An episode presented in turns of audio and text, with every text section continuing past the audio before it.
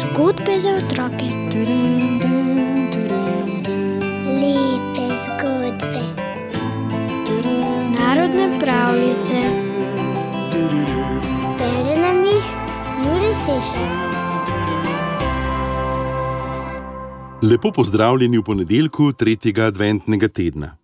Tudi danes odpiramo knjigo Zvezdica v svetilki Georga Drajsiga, ki prinaša zgodbe, ki spremljajo, v katerih spremljamo mi, Jožefa in Marijo proti Betlehemu.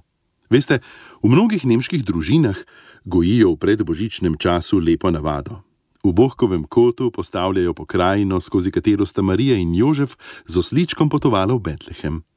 V prvem adventnem tednu so na rjavem prtu razprostranjeni le kamni, najlepši med njimi predstavljajo pot za Božjo mater.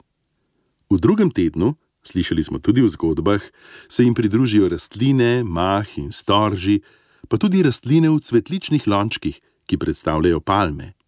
V tretjem tednu, v katerem smo, pridejo na vrsto živali, predvsem ovce na paši.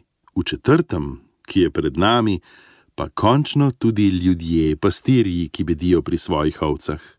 Ampak danes se ne bomo srečali z ovcami, ne, danes bomo slišali, kaj je pajek storil za Marijo. Nekega večera sta Marija in Jožef nameravala prenočiti v Votlini. Ko sta vstopila, jima je pot prekrižal pajek.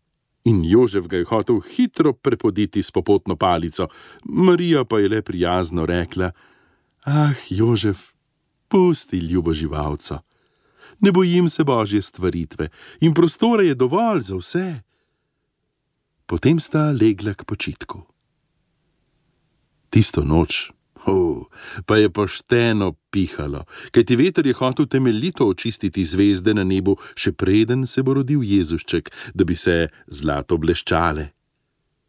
Veter je bilo čutiti tudi v votlini in Marijo je začelo tako zepsti, da ni mogla zatisniti očesa, čeprav se je vsa zavila v svoj zvezdni plašč. Jožef poleg nje se je že davno pogreznil v spanec in ni opazil, kako zelo zmrzuje. Pajek pa je opazil, kako je bilo Mariji. Božjo mater je vzljubil že takrat, ko je tako prijazno govorila o njem.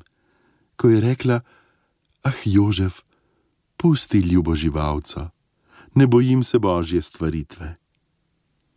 Zdaj se je pajek lotil dela, ter je pred vhodom stkal najbolj čudovito, nežno in gosto mrežo, kar jih je znal. Mogoče mislite, da pajkova mreža pač ne more zadržati vetra. Ta pa je, čeprav vsa nežna, delovala kot gosta zavesa, ki je ustavila njegovo moč. Tako je Marija lahko dobro spala.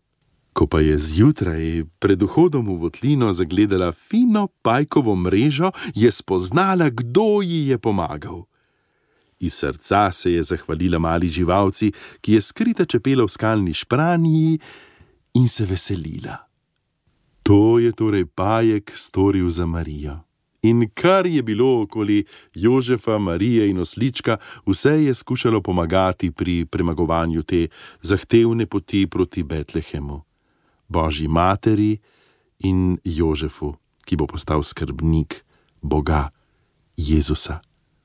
In prav na to, na ta večer, ki bo prinesel spomin na gospodovo rojstvo, se pripravljamo z našimi srečanji. Jutri boste pa izvedeli, zakaj imajo zajčki bele repe. Hmm, le zakaj? A veste zakaj? Zato, ker, a ne, ne, ne, ne.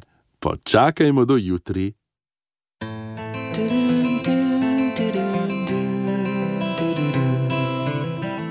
Скот без везет раки. Липес гудбе.